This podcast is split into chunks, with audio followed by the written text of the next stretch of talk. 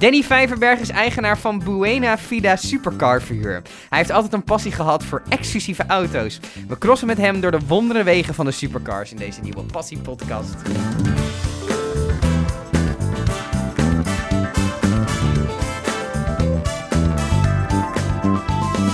Danny, tof dat je er bent. Ehm, Ja, dankjewel voor de uitnodiging. ja, eh, jij bent met de auto hier naartoe gekomen, denk ik. Ja, we zijn met de auto. Heel goed. Ehm, kan je iets meer vertellen over je bedrijf? En, eh, nou, laten we bij het begin beginnen. Eh, wanneer is jouw passie voor auto's ontstaan?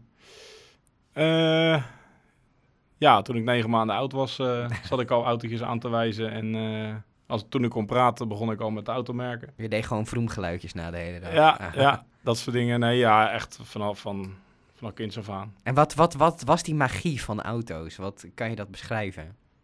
Ja, bepaalde aantrekkingskracht. Ehm, ja, als ik een... eh, zeker als ik een rode Ferrari zag.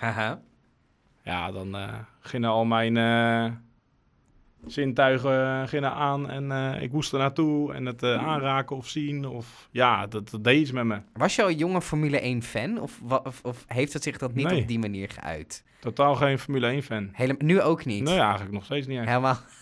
Nee, ja, Formule toch- 1 is weer raceauto's. Ja, dat, dat is natuurlijk eh, een hele andere tak van sport. N- Nee, ja, tuurlijk. En een bepaalde uitstraling van de, van de Formule 1 auto of de uitstraling van die mooie bolides. Ja. Groot verschil. Ja, dus het is bij jou niet per se de snelheid, maar meer de luxueuze uitstraling van een auto, als ik dat mag zeggen. En het geluid. Het geluid. Ja. Wat is dat? Kan je dat geluid omschrijven? Wat maakt dat zo mooi? Ja, de beleving die zo'n auto met je doet. Mhm. als mens. Eh, ja, van, van kinds af aan totdat je ja, de 100 bereikt als je zo oud mag worden, zeg maar. Dat blijft mensen prikkelen.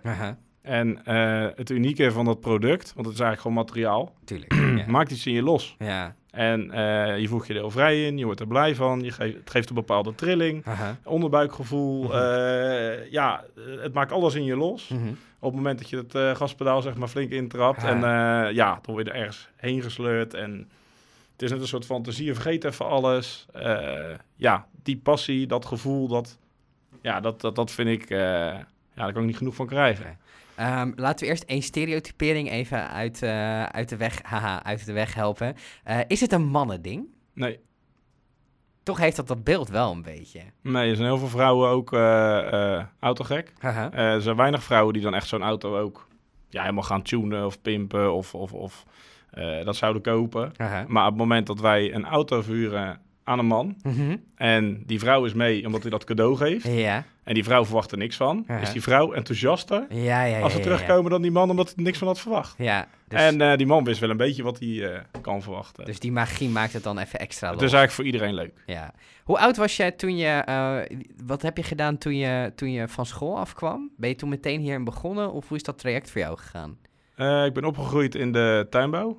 Mijn vader had een glastuinbouwbedrijf met bloemen. En daar kon ik eigenlijk van jongs af aan al eh, klusjes doen. Onkruid wieden, knopjes uithalen, eh, dingen opruimen, schoonmaken. Eigenlijk vanaf mijn negende jaar ben ik al klusjes gaan doen. Mhm. Technisch ingesteld dus. Eh, nou, het werd ook een beetje vanuit huis uit eh, wel aangegeven van eh, ga maar eh meehelpen. Ja. En eh, nou, ik wilde liever met mijn vriendjes spelen of eh, andere dingen doen. Eh, maar ja, nee, als je je een uurtje over hebt of een paar uurtjes over hebt, dan ga je niet niks zitten doen. Dan ga je maar even gewoon meehelpen. En Ja. kreeg je dan ook wel voor betaald. Ja, op een gegeven moment toen ik een jaartje of twaalf was, eh, kocht ik daarvan mijn eerste bootje. Mhm. En dat bootje opgeknapt. Eh, mijn vader kocht het motortje. En nou ja, zo kon ik gaan varen met mijn vriendjes. Ja. En eh, je wilde weer een mooier bootje, je wilde Ja. weer een sneller bootje. Dus en dan ga je weer werken. worden. Ja. En zo op een gegeven moment bouw je dat op. Of heb ik dat opgebouwd op mijn vijftiende, zestiende. Eh toen heb ik gewoon een normale school, de schoolweg gevolgd. Gewoon MAVO gedaan. Eh, maar uiteindelijk was ik zo praktisch ingesteld. Mhm. Ik wilde zoveel toch wel werken en echt dingen daarvoor terug. Om iets op te bouwen dat ik op een gegeven moment de enige in de week naar school ben gegaan. Mhm. Vanaf mijn zeventiende. ehm op mijn achttiende was ik al bedrijfsleider Mhm. in een tuinbouwbedrijf. En op mijn twintigste mede-ondernemer, Mhm. Mede-firmant. Eh, dus dan, dan deel je al mee in de winst. Ja. Want als ik het tuinbouwbedrijf, wat de bedoeling was, over zou nemen... Ja. Ja, dan moet je op tijd beginnen met eh, eh, vermogen opbouwen, anders kan je de- je vader nooit Het uitkopen. kost een klap geld. Ja, tuinbouwbedrijven zijn duur. Ja. Eh, alleen die passie, wat met dat bootje begon... Mhm. Dat werden brommetjes die ik op ging Mhm. knappen. Dat werden op een gegeven moment, toen ik 18 was, werden het auto's. Ja. En op een gegeven moment, ja, elk vrij uurtje wat ik had, was ik daarmee bezig tot 's avonds laat. Mhm. Dus ik deed werk in de tuinbouwbedrijf om geld te verdienen. Ja, En om mijn passie te kunnen betalen. bekostigen. En dat werd steeds, ja, het was de mooiste brommer op het schoolplein. Ja, Het was eh, de dikste auto op een gegeven moment Ja. eh, als, ik, als ik dat ene dagje naar school ging. ja, En ja, dat, dat, dat heb ik gewoon doorgezet totdat die eh, droom voorbij kwam, die rode Ferrari. ja, En toen ik 25 was, kocht ik dus mijn eerste rode Ferrari van mijn eigen geld. ja. Nou, iedereen, de buurman, niemand was... Fuck Iedereen, iedereen denkt, wat is dit nou? Eh Ja. Die hebben deze Ferrari staan. Ja, ik had dat stap voor stap opgebouwd. Ja. Eh, toen ik 18 was, ik begon Marktplaats. mhm. En daar kon je dus zelf in- en verkoop doen. Ja. Dus ik kocht de autootjes in, een vriend van mij verkocht ze, maakten we een saldo. Ja. En zo, nou, stap voor stap met de ongeveer 100 auto's die we doorverkocht hadden, kon ik die rode Ferrari op een gegeven moment Kopen. Die wilde ik niet meer verkopen, want Nee. dat, dat was mijn Dat einddoel. was jouw trots, was dat. Ja, totdat hij kapot ging. ja. Toen was het de pineut. Ja, dat kostte zoveel geld. Ja. Eh, daar moest ik iets voor gaan verzinnen om dat te kunnen onderhouden. En toen heb ik dus, eh, ja, uiteindelijk dat verhuur eh, ben ik gaan doen. Ja. Gewoon het maar met andere delen, anders kon ik het niet blijven rijden. Ja. ja. En Dus- dat, ja, stap voor stap ging dat zo, ja, de een stak de ander aan. Ja. Veel bruiloften. Dus het was eigenlijk, je bent dit gestart uit een soort noodzaak om je Ferrari op te Ja. knappen. Nee, om een wel- Ferrari, om, ja, om te rijden, ja. weer rijden te krijgen. Ja. of rijden te houden. Ja, op een gegeven moment is het wel, eh, ja, flink uit de hand gelopen, om het zo maar te zeggen. Ja. Wat merk je, eh, want je, je, doet ver, je doet geen verkopen, hè? Nee, nee, dat is niet mijn hoofdtak. Dat, dat besteed ik uit. Ja. Ja. Eh, je doet de, de verhuur van. Wat, wat zijn de wensen als mensen bij jou komen? Is dat eigenlijk hetzelfde als, als waar jouw passie vandaan komt? Gewoon dat het vet is om zo'n mooie luxe auto te rijden. De mensen die hebben een, toch wel een droom om het eens een keer mee te kunnen maken. Alleen het vaak niet op de bankrekening staan. Ja, En wij maken voor de prijs van de velg het mogelijk om zeg maar in zo'n auto te rijden. ja, En dat is uiteindelijk het principe, dat die mensen er gewoon super blij van worden, dat die droom verwezenlijkt wordt. Ja. Het wordt cadeau gegeven, het wordt, eh, ja, het, het wordt veel voor bruiloften gebruikt, televisie, videoclips. Eh, worden voor de gekste dingen worden we ingehuurd met die auto's, omdat het een bepaalde aantrekkingskracht heeft. Het is Mhm. net alsof er een celebrity voorbij komt, als er zo'n auto voorbij komt rijden. ja, Iedereen kijkt ook om, zeker nu in de corona is het allemaal is het een beetje depri-tijd, noem ik het maar. ja, Niks leuks. Nee. Komt er zo'n auto nu voorbij? Ja. Nou, ik krijg vier keer zoveel duimpjes omhoog als dat ik normaal kreeg. ja, Omdat er nu gewoon, ja, eh, het steekt iets aan. Het is positief. Het is eh, een droom die, die, die voor veel niet mogelijk is. mhm, En ik denk als ik het op deze manier in de markt zet. En ik maak het voor iedereen mogelijk vanaf 150 euro kan je in een auto rijden. ja. Dan is het voor jou met de pet tot en met, ja, hoe gek je het zelf wil Voor maken. iedereen is het betaalbaar. Eh, ja, tot hoe ver jij wil gaan. Ja, Ja, en eh, we, hebben, me- ja, we hebben het in eh, sterrencategorieën verdeeld. Van 1 Mhm. tot 6 sterren, net als met hotels. mhm, Dat je een beetje een verde- verdeling maakt van de goedkopere naar de duurdere. Ja. En ja, de meest dure, die, dat is de meest exclusieve auto die je in Europa kan huren. ja. Die heb ik, die heb ik staan. Ja, dat is wel, je hebt wel eh, een serieuze inboedel aan spullen dan. Ja, gigantisch. Word je daar ooit bang van? Dat je denkt, Nee. het zijn wel hele dure bakken die ik heb staan. Ja, het zijn allemaal huisjes. ja, ja. een be- ja, praktisch wel natuurlijk. Ja, in waarde. Ja, ja, en dat is eh, ook waarom mensen het eh, ja, zeg maar, zelf niet kunnen betalen, waardoor je het kan verhuren. Als je Ja. iets standaards, een normaal Mercedes of zo gaat verhuren, ja, mensen kunnen dat ook kopen. Wat krijg je dan voor klanten die het gaan huren? Ja, Die doen er allemaal rare dingen mee. Ja. En dit soort auto's huur je echt om die, dat gevoel te krijgen en, Ja. en, eh, om het leuk, ja, voor iets leuks te doen. ja, En dan vind ik het ook leuk om het te verhuren. Ja. En dan krijg ik de reacties en die lach van die mensen. Ja, dat maakt mij blij. Ja. En eh, natuurlijk, ze moeten er iets voor betalen. Wij moeten ze ook kunnen kopen, onderhouden. ja, Eh, het is niet te gek. Eh, het is helemaal in verhouding. Ik doe het ook echt niet om rijk van te worden. Het is alleen zo gegaan dat er nu een gigantisch assortiment staat. Het grootste assortiment van Europa inmiddels. Ja, Onder één dak bij ons in de Lier. ja. Ja, ik ben er wel super trots op. Is het dan dat als je daar binnen loopt, dat je dan denkt, verdomme, ze staan hier gewoon allemaal? Ja, dat heb ik nu alweer. Ja, Ja, ik heb wel een periode in mijn leven gehad dat ik zo hard gewerkt heb eh, dat ik bijna mezelf verloor. ja. Met oogkappen op eh, focus eh, naar mijn doel. Mhm. En het doel was bereikt en ik had alweer het volgende doel. ja. Ehm, maar nu begin ik wel weer te ademen, te leven en te genieten van wat er eigenlijk allemaal staat. En dan gaan we naar de volgende stap. Daar ja. ben ik nu mee bezig. En wat is je volgende stap?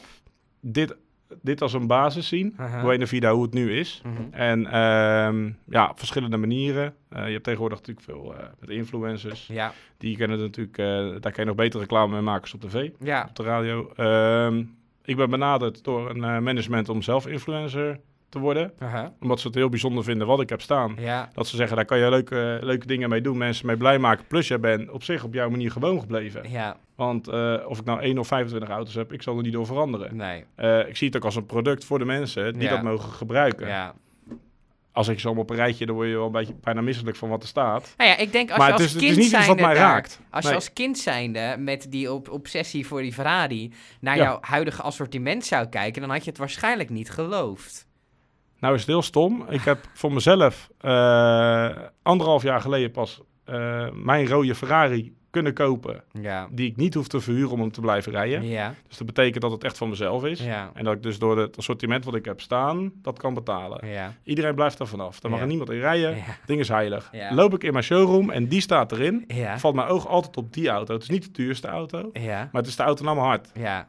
Het is Dat- jouw magische Dat is bakkie. mijn dingetje. Ja. Mijn beker, zeg maar, op mijn Ja. werk was dat toen. En eh, die blijft uniek. En de Mhm. rest zie ik dan toch als een soort werk. Alleen, eh, ja, je gaat er nu al steeds meer naar kijken van hoe bijzonder het is. Omdat mensen me ook aanspreken erop. Van Ja. weet je wel wat je doet? Weet Ja. je wel hoe uniek dat is dat je dat vanaf één autootje hebt opgebouwd naar zo'n groot assortiment. Ja. Dan ga je op een gegeven moment bij jezelf wel denken van voor mij doe ik iets unieks. Iets goed. Ja. Ja. en dan ga je de juiste mensen opzoeken. Eh, Is het een talent? Kan ik het nog uitbouwen? Dus nu ben ik echt met mezelf aan de slag om het uiterste uit mezelf te halen. Om nog meer te kunnen doen. Want Ja. er is nog een eh, uniekere auto die we nog niet hebben staan. En, en welke is dat? Eh, ja, ik heb mijn ogen een beetje laten vallen op een Bugatti Chiron. Ja. En dat wordt wereldwijd niet verhuurd. Enkeling heb hem. Het zijn dan bijvoorbeeld Ronaldo, voetballer of noem ze Mhm. maar op. Eh, om dat in de markt te zetten, dat je dat kan huren. Maar dat moet dan een hoge huurprijs zijn, denk ik. Ja, het is een hele hoge huurprijs. Maar de mensen die dat gaan huren, die kijken ook niet naar de prijs. Wat, hebt wat kost die bak aanschaf? 3 miljoen. Dat is een bedrag. Dat is een, eh, Ja, als je die op tafel legt, dan Ik legt heb, het niet, ik heb het niet op mijn bankrekening staan, kan ik je vertellen. Nee, maar dat bedrag, daar ben ik niet zo mee bezig. Dat vind ik allemaal Nee, niet zo je moet hem wel kunnen kopen natuurlijk. Ja, maar ik kijk eerder naar het verdienmodel. Ja, en, dat- tuurlijk. en dan vind ik daar een investeerder voor. Ja. Eh, en eh, ja, als hij dat ook natuurlijk dezelfde passie hebt en die Ja. vindt het leuk om dat te doen, dat geeft hem energie en hij wordt er blij van. En dat Mhm. geld komt weer een keer terug, is het wel goed. Ja. Je moet alleen gewoon goed, altijd goed je afspraken nakomen Maken. als je dat soort dingen doet. Maar Ja. daar ben ik nu mee bezig om eh, tot dat level te komen. Maar die wordt nergens nog verhuurd. In Engeland, bij een bedrijf, wordt het al gedaan. Ga je die dan ook bellen? Daar heb ik helemaal een ja, onderzoek naar gedaan hoe dat allemaal gegaan is bij dat bedrijf. En daar kwam ik toch wel achter dingetjes dat ik denk, daar wil ik me toch niet aan meten. Mhm. Ik wil het gewoon eerlijk verdienen en eh, met stap voor stap op, zeg maar, eh, afbetalen. En eh, ja, ik, ik, ik, ik merkte gewoon bij die partij, dat is geen partij waar ik me aan moet meten. Ja, Dus dan laat ik dat los. ja. Dus ik ben dan voor mijn gevoel toch wel de enigste echte eerlijke autoverhuurder Die dat. die dat naar buiten gaat brengen. Maar de klanten moeten van wereldwijd komen. Ja, In Nederland zit er maar misschien een handje vol. ja. Dus we Die gaan dat- ook eh, heel anders in de eh, marketing. Ja, je moet internationaal gaan richten dan. ja, Mensen ja. die hier naartoe mee komen vliegen om eh, in die... maar Zit er allemaal bij. Een weekendtrip willen we ervan maken. Oké, een. Bugatti package. ja, ja, wel vet. Ja, Plan, plan ligt. ja, Alleen even uitwerken. je wacht ook even mee tot corona voorbij is, denk ik dan. Mm, ik stoor me niet aan... Ja, maar het wordt moeilijker om hier naartoe te vliegen, zeg maar dan. Oh, op die manier. Ja, nee, eh, eh, Ja. Ik, ik weet niet hoe lang de corona duurt. Misschien nog een maand, misschien nog vijf jaar. Ja. Ik kan me nu niet meer mee bezighouden. Ja, Ik ga nu gewoon door eh, met wat ik doe. En ik maak gewoon nieuwe plannen, nieuwe klanten, nieuwe concepten. Dat het bedrijf gewoon blijft doorgaan. Is de corona voorbij, zal het een hele snelle vlucht gaan krijgen... omdat de bruiloften weer terugkomen. Maar we gaan nu ons, ons ook focussen op andere dingen... waar we supercars mee kunnen inzetten. ja, Hotellerie gebeurt nu weer. ja, Ook al zou je denken, nou die hotels, eh, er wordt geen kamer geboekt. Nou, die hebben het gewoon druk gehad met Valentijn. ja, Dus het is allemaal gewoon eh, doorgaan. Ze zoeken ons op. We hebben een eh, best wel goede bekendheid, omdat er weinig concurrentie is. ja, En we gaan nu eh, eh, daarmee door. ja. Televisie, televisieprogramma's in. Eh, ja, zorgen dat het overal bekend is. En dat eh, een stuk influencer worden. Mhm, Nou, dat is me drie maanden geleden ook gevraagd. Heb ik Mhm. nee gezegd. mhm. Eh, maar ik ben nu wel, eh, ja, eh, ik voel me nu wel zo goed, krachtig, energie erin. Ik voel me wel helemaal happy. Ja, nu wil ik wel dat, eh Wat die, gooi die camera's er maar op. En ik, ga eh, ik ga gewoon doen wie ik ben en gewoon mezelf blijven. En we zien het wel. Ja, film het maar. Ja. Prima. Geen Kijk geheimen dus. eh. Ja, nee, alleen maar tof. Ja. Ehm, je benoemde net al eigenlijk van, ja, bij mij is soms het besefte niet hoe bijzonder het allemaal is. Is dat ook, denk je, omdat het zo langzaam gegroeid is, wat je zegt? Dus dat, je, dat het zo geleidelijk gaat dat het, dat het niet helemaal meer opvalt of zo? Het is te snel gegaan. Ja, Dus eh, als jij acht jaar geleden... Ja, acht jaar geleden ben ik begonnen met bedrijf. mhm, Toen had ik er denk ik drie of vier. Mhm. Daar kon ik zeg maar een salarisstrijd halen. Ja, Dus toen was ik gedekt van, oké, ik kan overleven door dit te doen. ja. Eh, nou, dat is dus binnen no time naar die 25 auto's gegaan. Eh, ik mis ook een heel stuk van herinneringen eigenlijk hoe dat is gegaan. Omdat ik alleen maar vooruit dacht. Ja, Ik heb er bijna niet van genoten. ja, En eh, nu ga je pas, wat je wat meer tot rust komt. Ook door de corona kom je wat meer tot rust. Veel, ik hoor veel ondernemers om me heen, die hebben ineens een burn-out. Wat ze niet door hadden, maar die komt er nu uit. Snap je Ja, wat ik bedoel? ja, ik. Ik, ik heb ook even mijn fase gehad. Dat je het weer anders gaat bekijken. En dan word je toch wel heel trots en uniek. En eh, ik ga ze niet zitten aaien allemaal. maar ik zie ze wel weer staan. ja. Zo van, ze staan hier. En ze- Ja, en dit heb je niet zomaar staan. Ja, En dat heb ik wel gedaan. ja, Dus stukje eigenwaarde, bedrijf krijgt waarde, stukje imago gaan we aan werken. Hoe heb je dit voor elkaar gekregen vanaf niks tot dit? mhm. Eh, een hele goede inspiratiebron voor de jeugd. Eh, denk niet dat je iets niet kan. ja, Want je kan uiteindelijk gewoon, als jij een eh, bepaalde mindset hebt, een focus en doorzettingsvermogen. Ik heb het er ook gedaan. ja. Waarom zou jij het niet doen? Ja. Waarom zou jij het niet kunnen? Ga gewoon, ja, ik ga die mensen gewoon proberen te inspireren, motiveren. Zeker in deze tijd, dat iedereen een beetje... eh, negatief misschien erin staat. Ja, en ook, maar ook de jeugd. eh, het kijkt allemaal filmpjes op internet van, van andere YouTubers of mensen die rijden allemaal dikke bakken. Mhm. Allemaal onwerkelijk, eh, niet haalbaar. Eh, maar ze kijken het allemaal wel, ze willen het allemaal wel. Ik, Ja. ben, het, ik ben het tussenstation om toch een keer zoiets mee te mogen maken of te Ja. kunnen doen, als je Ja. dat leuk vindt. Ja. Dus we hebben een hoop eh, ja, nieuwe plannen eigenlijk. Ja, we begonnen dit gesprek met eh, een bootje. Ehm, dat, Ja. dat, als, als jonge jongen. Eh, dat ben je er nu bij gaan doen.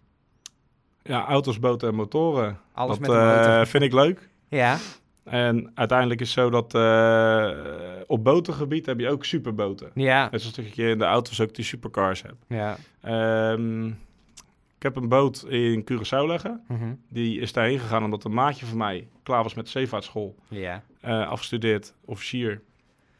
Die mocht overal varen. Mhm. En toen zijn we dat op gaan starten. Alleen op een gegeven moment, binnen, ja, we hebben een jaartje samengewerkt.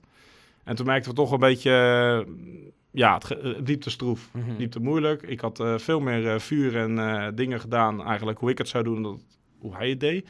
Waardoor we zoiets hadden van, eh, ja, hij, hij was het ook een beetje zat. Dan, nou, dan stoppen we ermee. Wilden we de boot verkopen? We denken, nou, dan pakken we ons geld weer terug. Maar Ja. die boten waren minder waard geworden. Ja. Toen heb ik gezegd, nou, ja, voor die prijs ga ik niet verkopen. Dan koop ik jou uit en Mhm. dan ga ik het op mezelf doen. Mhm. Maar ik heb het een beetje als een site, als een bijpas gezien, zeg maar. Ik ga het niet, eh, het is niet mijn hoofdmoot, maar ik vind het leuk om het erbij te doen. Af en toe een Curaçao. Ja. En dan weer met die eh, hotels en al die dingen praten. eh, die klantjes erin. Ja. En dan gaat er weer iemand varen die daar vandaan komt. Ja. Alleen nu beginnen we de corona in. Ja. Ik ben er laatst nog geweest. Maar ja, die corona blijft maar tegenhouden dat Ja. er natuurlijk geen toerisme is. Ja. Dus het legt op een laag pitje. Maar het plan is super. Want als je over de Caribbean vaart met vol vermogen, met dat motorgeluid. En nou, dat, als je het over het goede leven hebt. Ja. Met een supercar, nou, dat, dat is dat nog Dat mooier. dat, ja. Ik denk, dit ga ik verkopen. Deze beleving is super gaaf. Ja. En het is een goed excuus voor jezelf om af en toe naar Curaçao te gaan. Nou, ik heb er ook, ik heb er, het is allemaal Nederlands daar natuurlijk. Ja. Eh, ik heb er wel wat mee. Mhm. Dus eh, ja, als het leuk zijn als je daar een keer een huisje van kan kopen of iets daar. Ja. En dan zit je af en toe daar. En eh, ja, in Nederland hebben we ook zo'n powerboot op de kop weten te tikken. Mhm. Of ik dan. Eh 1680 pk, Mhm. dat ding. Kan Dus lekker hard. unieke boot. Ja. Ja, als je daarop zit, je trekt het gas open. Mensen die, die staan Die die van, echt is dit nou voor een experience? Ja. En dat onmogelijke mogelijk maken, dat kan omdat ik het met anderen deel. Ja. Ik zei, ik kan het in mijn eentje niet betalen. Waarvan? Ja. Dat, dat door die klantjes die elke keer wel doen. En dan op een gegeven moment komt er een bedragje uit. En dan kan je weer iets Dan doen. kan je weer eens, ja. Ja, en eh, zo ga ik het ook met boten proberen. Ja. Vet. En als het niet lukt, nou ja, dan verkoop ik die boot weer. Of, Weer, en eh, dan eh, komt het ook wel weer goed. Ik denk niet in een tijdlijn vooruit, eh, over vijf jaar, dan ben, heb ik dat op mijn rekening staan of zo. Daar ben ik totaal niet mee bezig. Ik ga gewoon iets doen. En als je iets gaat doen, dan komen er dingetjes die je op moet lossen. En er komen ook mooie dingetjes voorbij met mensen. Kom je in contact die anders niet, niet zou tegenkomen, waar je weer van leert. En dat, ja, als jij het goed voor hebt met die mensen en, en je klanten goed behandelt, dan zal het altijd weer een nieuwe klant brengen. Mond-op-mond reclame. En zo gaat die gewoon, eh, ga, zo, zo doe ik het eigenlijk heel eh, natuurlijk. We eindigen deze podcast altijd met de vragen: waar sta je over vijf jaar? Nou, die Bugatti, denk ik dan. Ik dacht eh, eh, vijf jaar. Mhm. Maar ik eh, ben nu met verschillende mensen bezig. ehm, dat ik wel denk dat het sneller kan. En wat wil je wel over vijf jaar? Rust in mijn leven. Ja. dat is een heel mooi streven, maar misschien wat voor een andere podcast. Super Ja. bedankt voor het leuke gesprek. Graag gedaan.